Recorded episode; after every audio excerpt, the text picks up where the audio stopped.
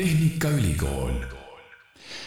tere, head kuulajad, eetris on Tallinna Tehnikaülikooli podcast, mina olen Kristjan Hirmu ja oleme siin Delfi taskustuudios täna koos külalisega, kelleks on Päivo Simson. tere, Päivo! tere! no sinul on nii palju tiitleid, et ausalt öeldes ei teagi, kust otsast alustada, aga sul on selline huvitav ametikoht Tallinna Tehnikaülikooli juures, sa oled olümpiaadiõppe peaspetsialist. Täpselt nii. räägi, mida see spetsialist teeb? no minu põhilisteks ülesanneteks on siis äh, olümpiaadide ja võistluste korraldamine Tallinna Tehnikaülikoolis ja äh, siis ka olümpiaadideks ettevalmistavate kursuste korraldamine ja aeg-ajalt tuleb ka neid kursusi ise läbi viia, kuigi viimasel ajal äh, suure koormuse tõttu natuke vähem kui varem, aga, aga siiski. mis su eriala on?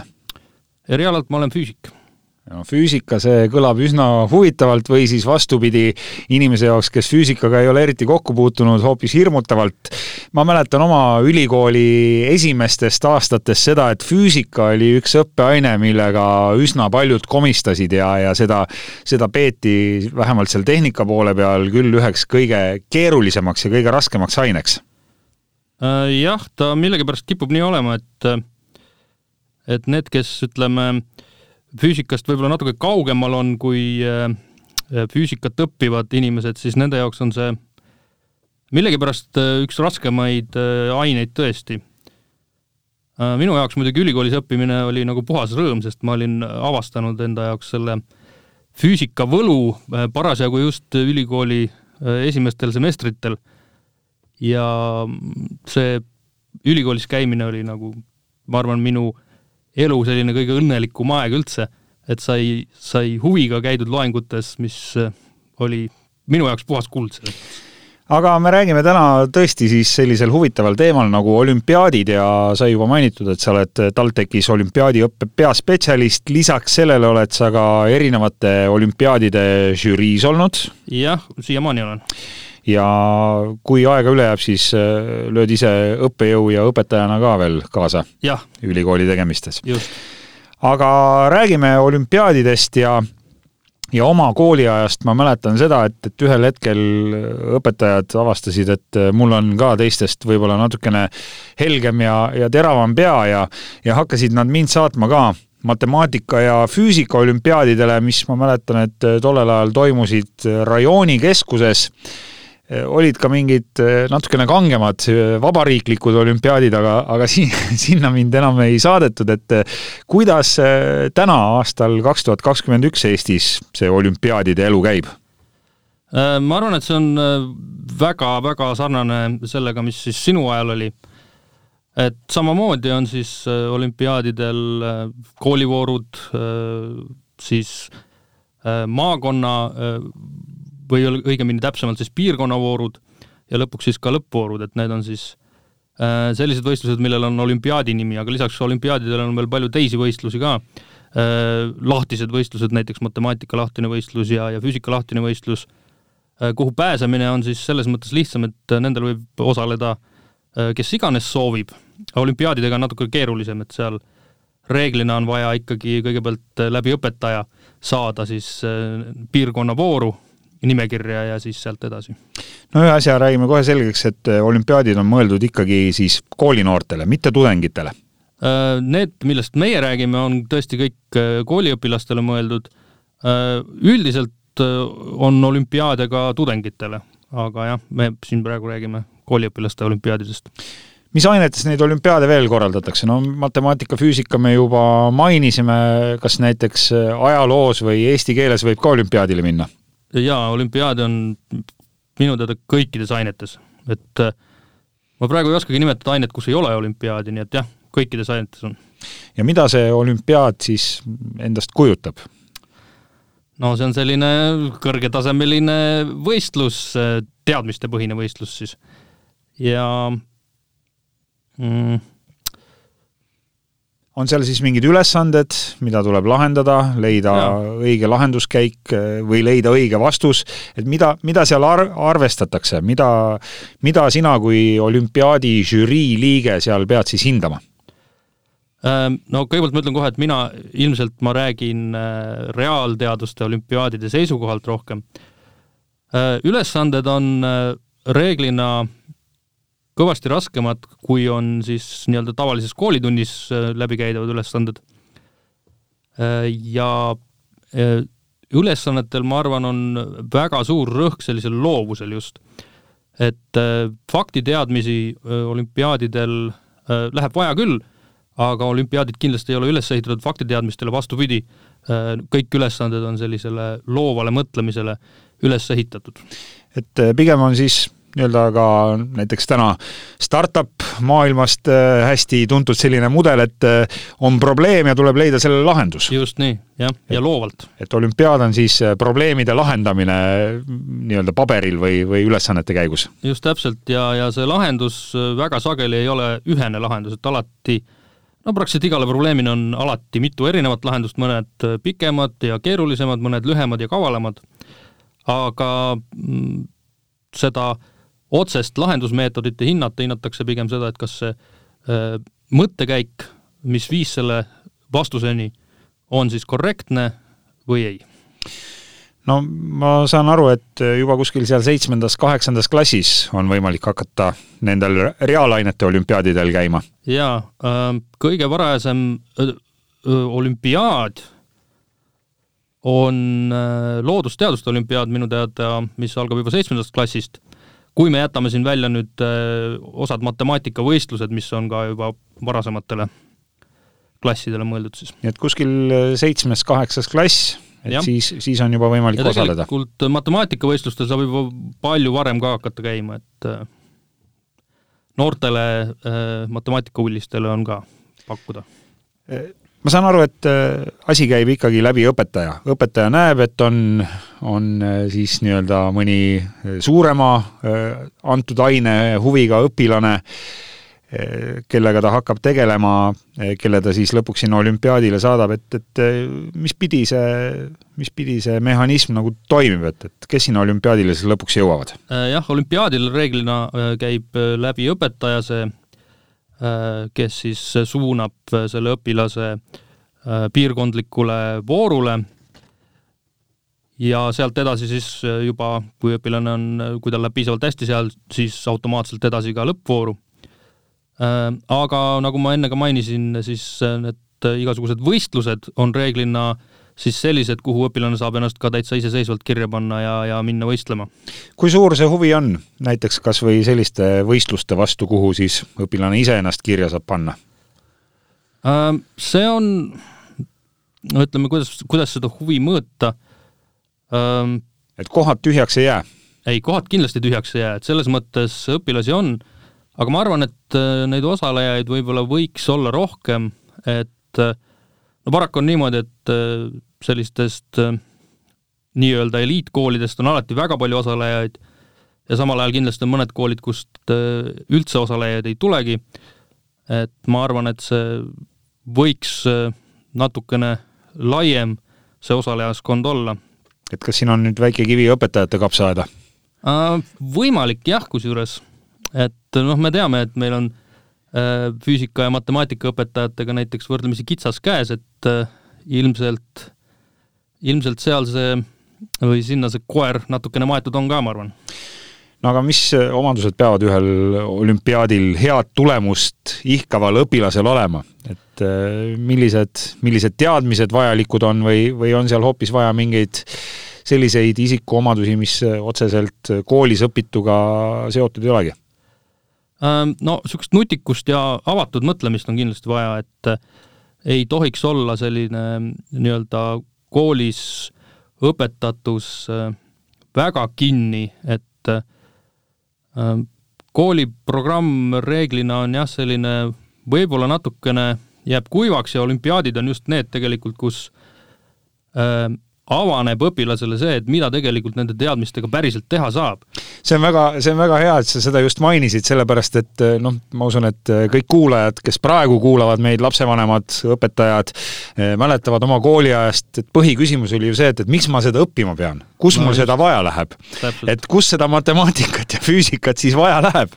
oi jumal äh,, no ütleme, kui me Tehnikaülikoolist nüüd räägime, siis ma arvan, et siin on võrdlemisi selge, et ilma matemaatika ja füüsikata vist praktiliselt kuskil ühelgi erialal eriti läbi ei saa, et äh, eriti inseneriteadustes on üsna selge, et noh, matemaatika on ju äh, looduse keel ja see on ainuke viis, kuidas äh, loodust kirjeldada, teda aru saada ja, ja teda meie heaks tööle panna. nii et olümpiaadidel pannakse siis nende õpilaste äh, pea võib-olla selles suunas äh, tööle, et, et kuidas, kuidas seda koolis õpitut ka päriselus rakendada? oo oh jaa, kindlasti ja äh, ma eile rääkisin Jaan Kaldaga natukene, äh, füüsik Jaan Kaldaga siis äh, sellest ja tema ütles väga ilusti, et äh, kui sa tahad ainet päriselt selgeks saada, siis tuleb olümpiaadile tulla. no ma tean, et Tallinna Tehnikaülikool korraldab ise ka olümpiaade või vähemalt sellised plaanid on. tänavune aasta muidugi on natukene keeruline siin seoses äh, maailmas leviva koroonaviirusega, aga, aga räägi natukene TalTechi olümpiaadidest ka. Äh, jah, TalTech on äh, mõnevõrra uus tulija nende olümpiaadide korraldamise juurde, et siiamaani on Tartu Ülikool põhiliselt seda teinud, aga nüüd juba paar aastat oleme meie ka äh, nii-öelda härjal sarvist haaranud ja mõned olümpiaadid ette võtnud et.... kas ka matemaatika ja füüsika või on, või on mõni, mõni muu valdkond ka juures? Äh, meil on äh, matemaatika ja füüsika, meil on näiteks koolimatemaatika võistlus on, äh, mis on ühe korra toimunud, eelmine aasta kahjuks jäi ära koroona tõttu küll. aga on ka näiteks selline olümpiaad nagu maateaduste olümpiaad, mis on siis täiesti uus olümpiaad, ta on toimunud nüüd kaks korda ja see aasta on ka plaanis jälle. ja maateadused ei ole siis mitte geograafia, et, kus asub äh, Austraalia ja kus asub Gröönimaa? Äh, jah, see ei ole geograafia, see on planeet, maa teadused, see mõiste on natukene eesti keeles selles mõttes võib-olla kehv, et ta on tõesti sünonüümne geograafiaga eesti keeles, aga inglise keeles on ta tegelikult earth science siis jah ehk siis ta on nagu planeet Maa teadused ja ta käsitleb siis äh, äh, kõikide nii-öelda maa sfääride siis äh, teadusi, alates siis geoloogiast, läbi siis okeanograafia, atmosfäärifüüsika, kuni siis tegelikult päris kosmoseni välja, nii et no tundub selline päris suur ja mahukas ja globaalne aine olevat. jah, ta on selline interdistsiplinaarne lisaks eh, maateaduste olümpiaadile tean, et eh, planeeritakse ka tehnikaolümpiaadi. jaa, tehnikaolümpiaad oligi meil tegelikult plaanis juba see aasta, aga kahjuks jälle tänu sellele kurjale viirusele me pidime selle ära jätma ja see oli planeeritud tegelikult juba jaanuari siin. ja miks me selle võib-olla ära jätsime, on see, et siin seda olümpiaadi päris interneti teel teha ei saa kuna siin on, äh, sellel on hästi suur rõhk, on just praktilistel ülesannetel, et äh, ma ei teagi vist teist olümpiaadi, kus nii suur rõhk oleks praktikal, et praegu meil on plaanis siis viiskümmend protsenti äh, praktilisi ülesandeid ja, ja viiskümmend protsenti siis teoreetilisi ülesandeid ja need praktilised ülesanded on siis koha peal väga põnevad meie Tehnikaülikooli teadlaste poolt välja nuputatud, võin öelda, et väga kihvtid ülesanded on. ühesõnaga, peab nii-öelda midagi koha peal, koha peal ise valmis ehitama. peab valmis ehitama, nuputama, jah, nii on. no väga põnev ja loodame, et siis Tehnikaolümpiaad juba aastal kaks tuhat kakskümmend kaks toimub. kuidas nendele TalTechi olümpiaadidele pääseb? kuna need on hästi uued olümpiaadid, siis tegelikult pääsemine on lihtsam kui ütleme, sellistele äh, Äh, vanadele habemega, pika habemega olümpiaadidele, kus, äh, mis on siis füüsika ja matemaatika näiteks, kus, kuhu pääsemine on natuke keerulisem. Äh, TalTechi olümpiaadidele põhimõtteliselt saab kirja panna õpilane iseseisvalt ka, nii et et kellel huvi, siis uurib, uurib ise järgi ja info leiab üles ilmselt TalTechi koduleheküljelt. jaa, nii on. no räägi veel kuna füüsika on ikkagi sinu eriala, siis ma usun, et eriti südamelähedane on sulle väidetavalt, ma tean, et juba Guinessi rekordite raamatusse on nii-öelda lehekülg ära broneeritud, aga väidetavalt maailma kõige raskem füüsikavõistlus nimega Physis Cup. seda korraldab ka Tallinna Tehnikaülikool? seda korraldab jah, Tallinna Tehnikaülikool eesotsas siis äh, professor Jaan Kaldaga, kes siis on tegelikult suurema osa nendest ülesannetest välja mõelnud. See on tõesti äh, maailma kõige raskem füüsikavõistlus. Äh,, see tegelikult äh, sai või selle idee sai alguse just sealt, et kui rahvusvahelisel füüsikaolümpiaadil, mis on siis nii-öelda äh, füüsikaolümpiaadide nii-öelda lõpuboss maailmas, äh, sinna sattusid osad ülesanded, mis olid selle jaoks liiga rasked, siis äh, Jaan Kalda hakkas neid vaikselt koguma ja välja pakkuma siis sellise eraldi võistluse raames, mis, millest siis sai Physics Cup ja äh, tuleb välja, et ei ole liiga raskeid ülesandeid, et on, on kehvad lahendajad?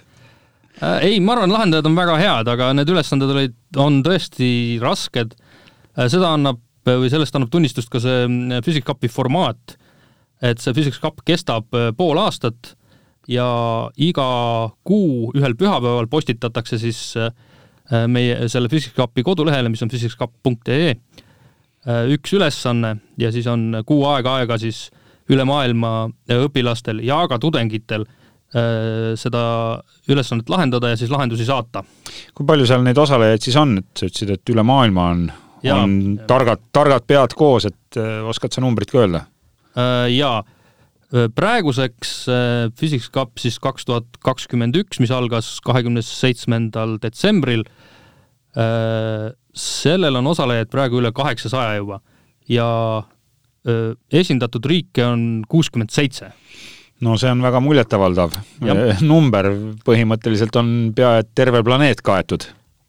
Kusjuures on jah, ja see on tegelikult üllatav, et nii palju selliseid tõsise füüsikahuvilisi õpilasi on siin planeedil Maa, see on väga tore no aga räägi, millistes valdkondades siis oma füüsikaalaseid teadmisi saab õpilane, kes, ma ei tea, käib füüsikaolümpiaadil või mis veel ägedam äkki, lööb teie Physics Cupil kaasa, millistes valdkondades ta saab neid hiljem realiseerida? füüsikateadmisi äh,?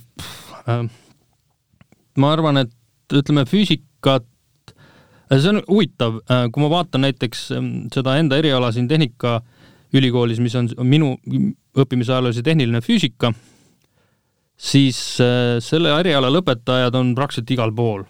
et äh, on mindud äh, pangandusse näiteks ja jõutud väga kõrgetele kohtadele seal, igasugustes startup ides, inseneeriaettevõtetes, igal pool, samamoodi siis akadeemilised kohad. Et füüsika on selline, ütleme, hea Äh, selline probleemide äh, lahendamise äh, oskus tegelikult ja seda saab praktiliselt igal pool rakendada. nii et ei tule sealt ainult valges kitlis teadlased? oi, kindlasti mitte. saab, saab ka nii-öelda päris, päris töökohtadel töötada nende teadmistega? ütleme niimoodi, need valges kitlis teadlased tegelikult võiks rohkem tulla, sest meil on vaja ka häid õppejõude ja õpetajaid. Aga jah, et nendel äh, ütleme, see oskuste pagas lõpuks, mis sa sealt kätte saad, on väga lai, et äh, alates programmeerimisest, äh, matemaatikast ja siis lõpetades loomulikult siis kõikvõimalike füüsikaalaste teadmistega, mida on siis inseneri erialadel hea rakendada, nii et selles mõttes füüsikat tasub kindlasti õppida. no Physics Cup, suur rahvusvaheline võistlus, aga ma saan aru, et neid rahvusvahelisi olümpiaade on veel ja Eestist pääsevad õpilased ka nendele. Jaa, no näiteks kui öö, rahvusvahelisest füüsikaolümpiaadist rääkida, siis või tegelikult ükskõik mis aineolümpiaadis, ka matemaatika ja nii edasi, siis see nii-öelda astmeline hierarhia käib jah niimoodi, et alustad võib-olla koolivoorust, siis jõuad piirkonnavooru, siis saad lõppvooru ja lõppvooru parimad siis saadetakse juba rahvusvahelisele olümpiaadile.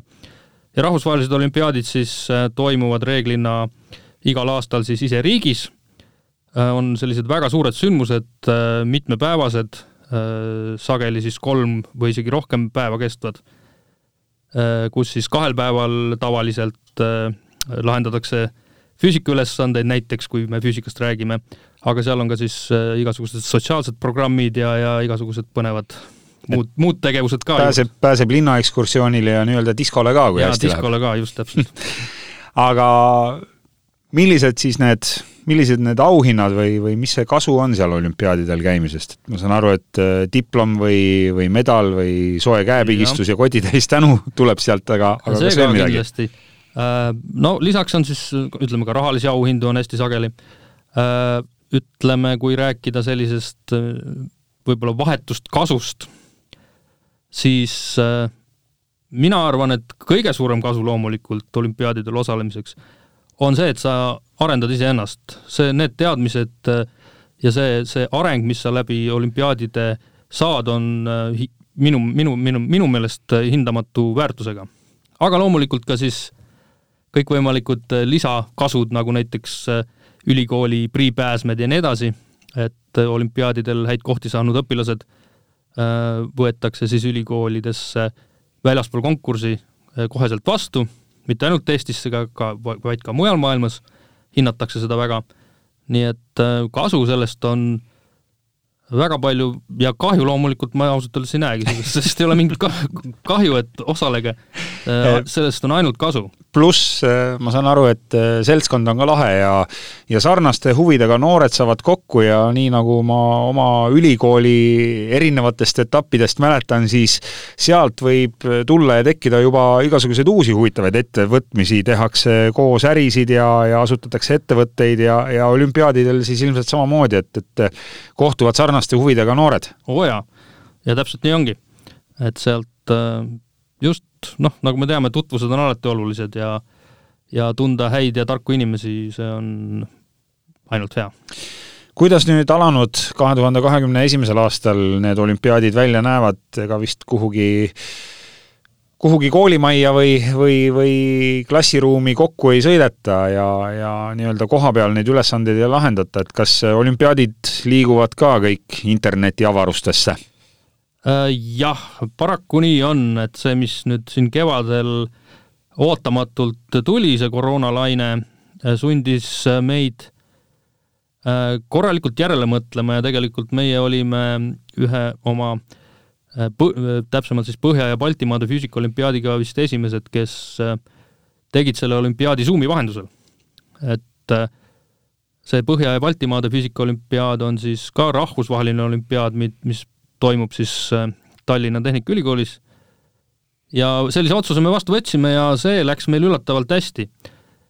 et äh, selliste kõrgetasemeliste olümpiaadidega, ma arvan, äh, läbi veebi nende korraldamine on üsna selles mõttes mõistlik isegi praegusel ajal, et seal ei pea nagu väga kartma, et keegi kuskil midagi spikerdab, sest ülesanded on nii piisavalt rasked, et tõenäoliselt see õpilane, kes äh, osaleb, ongi seal lähima saja kilomeetri raadiuse sises ja kõige targem niikuinii.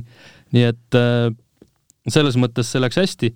Äh, natuke kehvemad kogemused on nüüd siin veidi madalama tasemega võistluste korral, et kus on tulnud välja mõned niisugused petmised ka, et eks see eks see selline äh, interneti põhjal või, või läbi interneti nende olümpiaadide tegemine kõige parem ei ole, aga mis sa hädaga teed? no tuleb ära kannatada ja, ja, ja loota, loota siis, et äh, nutikad ja ja miks mitte ka kunagi võib-olla varasematel aastatel olümpiaadidel käinud ja, ja oma teadmisi korralikult arendanud inimesed meie planeedi siin ikkagi sellest viirusest päästavad ja küll nad, küll nad seda ka teevad. aga suur tänu sulle, Päivo Simson TalTechi olümpiaadiõppe peaspetsialist ja nagu just äsja kuulsite, siis tasub olümpiaadidel käia, tasub sealt äh, häid kohti noppida, sellepärast et see avab ka Tallinna Tehnikaülikooli uksed. nii on. ilma sisseastumiseksamite ja katseteta. täpselt nii. soovime sulle kõike head head alanud kahe tuhande kahekümne esimest aastat ja aitäh sullegi, kes sa kuulasid Tallinna Tehnikaülikooli podcasti.